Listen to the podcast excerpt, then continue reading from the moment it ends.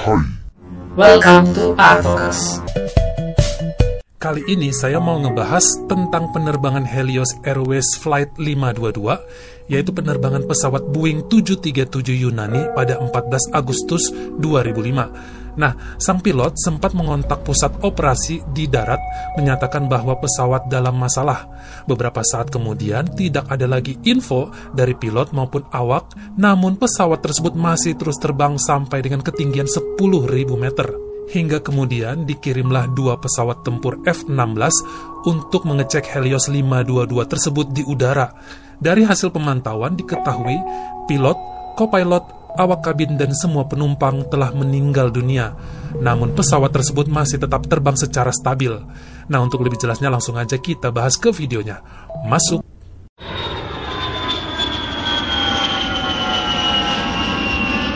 Minggu 14 Agustus 2005, Helios Airways nomor penerbangan 522 terbang dari Bandara Internasional Larnaca di negara Cyprus menuju ke Bandara Internasional Praha di Republik Ceko dengan satu kali transit terlebih dahulu di Athena, Yunani. Nah, jadwal keberangkatan jam 9 pagi, pesawat itu berisi 115 penumpang, 4 awak kabin, satu orang pilot beserta co-pilotnya, jadi totalnya semuanya ada 121 orang isi pesawat. Menurut rencana, nanti akan tiba dulu di Athena sekitar pukul 11.45 siang waktu setempat.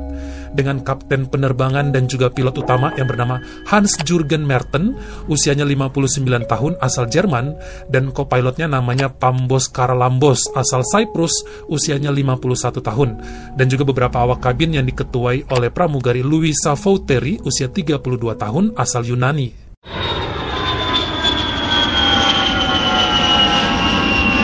Sebenarnya beberapa jam saat pesawat Helios tiba di Larnaca sehabis terbang dari London, itu beberapa kru sudah komplain tentang engsel pintu pesawat yang kaku katanya sulit untuk diputar kepada teknisi di bandara. Kemudian pihak teknisi melakukan pemeriksaan termasuk beberapa hal untuk menghindari kebocoran pada mesin. Nah saat itu dikatakan mereka itu menekan tombol manual untuk tekanan udara di kabin dan lupa mengembalikannya pada tombol otomatis. Hingga akhirnya saat pesawat mulai lepas landas sekitar pukul 9 lewat 7 menit, sistem tekanan udara di kabin masih tetap dalam posisi manual. Ini buat info aja ke kamu, harusnya tombol tekanan udara di pesawat itu dibuat dalam posisi otomatis. Jadi nanti akan menyesuaikan dengan ketinggian terbang pesawat. Memasuki ketinggian 3700 meter, alarm peringatan berbunyi. Jadi harusnya saat alarm berbunyi, pesawat itu nggak boleh menambah ketinggian dulu. Namun sepertinya pihak awak kabin mengira itu sebagai alarm konfigurasi lepas landas yang terkadang memang masih berbunyi pada saat pesawat sudah di udara. Hingga akhirnya diacukan aja nih sama awak kabin maupun kru dari kokpit. Namun, beberapa menit kemudian, lampu peringatan kokpit menyala, diikuti oleh lampu oksigen di kabin penumpang juga ikut menyala. Saat mulai panik dan pesawat memasuki ketinggian 5.500 meter, masker oksigen penumpang secara otomatis terbuka dan semua penumpang langsung make, langsung menggunakannya. Sepertinya sang kapten ini nggak tahu bahwa semua penumpangnya udah mulai pingsan dan juga tepar. Dia itu berusaha menghubungi awak kabin dan juga pramugari yang ada dari ruang kokpit. Namun katanya tidak ada jawaban. Jadi pilot mengira pramugari masih heboh untuk menenangkan penumpang. Padahal saat itu dikatakan penumpang sudah ada yang meninggal dunia karena hipoksia. Jadi hipoksia ini adalah kondisi kurangnya oksigen yang masuk ke darah dan juga otak. Ini sangat bahaya banget ya karena bisa merusak semua sistem di otak, pembuluh darah sampai bisa gagal jantung. Parahnya lagi, suhu dalam kabin katanya mulai memasuki minus 40 sampai minus 60 derajat Celcius. Jadi sekitar pukul 10 pagi, pilot ini menghubungi radio pusat operasi Helios di Bandara Athena, di mana dia melaporkan tentang kebocoran tekanan udara dan juga lampu kipas ventilasi yang mati. Nah, karena co-pilot di sampingnya sudah pingsan, si pilot ini menyalakan sistem autopilot. Jadi pesawat terbang sendirian tanpa dikontrol oleh pilot karena sang pilot sedang sibuk dengan beberapa instruksi dari pusat sambil menahan rasa sakit karena kehabisan oksigen.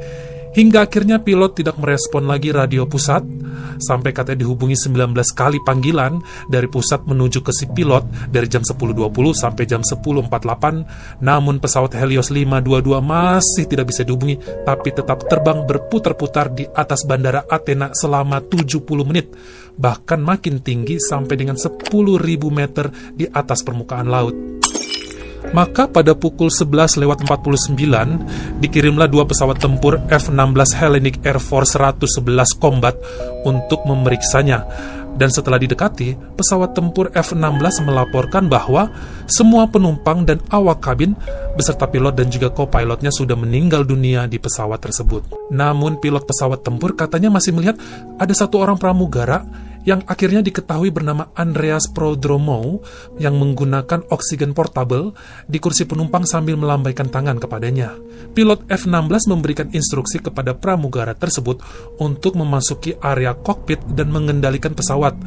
Lalu dia katanya mencoba memasuki kokpit namun tetap tidak sanggup untuk bisa menerbangkan Helios Boeing 737 itu.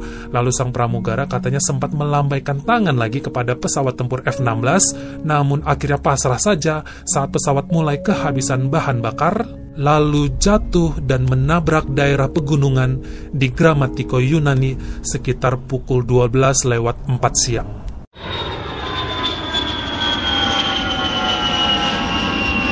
Diketahui bahwa semua penumpang pesawat tersebut, termasuk awak kabin dan juga awak kokpit meninggal dunia. 115 penumpang yang terdiri dari 103 warga Cyprus, 12 warga Yunani, 93 dewasa, 12 anak-anak yang seharusnya 67 orang turun di Athena Yunani, lalu sisanya turun di Praha, Republik Ceko dan juga sempat viral nih pada tahun 2007 di mana ada seorang anak yang bernama Vasilis Kovsovtas yang usianya 4 tahun dan juga adiknya yang menjadi yatim piatu karena kedua orang tua mereka dan kakaknya menjadi korban kecelakaan pesawat Helios 522 tersebut.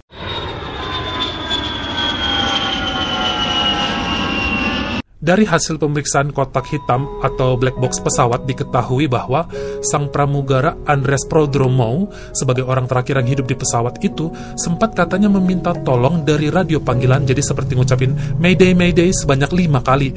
Tapi sayangnya tombol panggilannya itu mengarah ke radio pusat di Larnaca, Cyprus, tempat mereka berangkat tadi, yang pastinya jaraknya udah jauh banget, dan tidak ada yang mendengarkan di sana.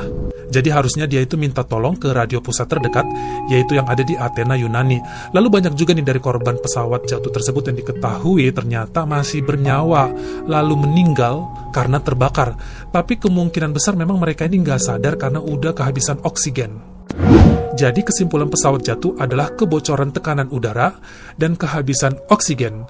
Ada juga ledakan pintu belakang dan kegagalan fungsi listrik serta kegagalan fungsi mode auto utama dari kontrol tekanan di kabin. Walaupun pada akhirnya pihak keluarga korban meminta ganti rugi besar karena semua ini harusnya bisa dihindari jika tidak ada kelalaian teknisi dalam memeriksa kondisi pesawat sebelum terbang masih banyak juga sih yang mempertanyakan dan juga meragukan bagaimana mungkin sistem autopilot bisa bertahan sampai 70 menit jika memang terjadi kebocoran harusnya bahan bakar cepat habis dan mustahil pesawat bisa terbang sendiri tanpa dikendalikan pilot sampai dengan 70 menit lamanya.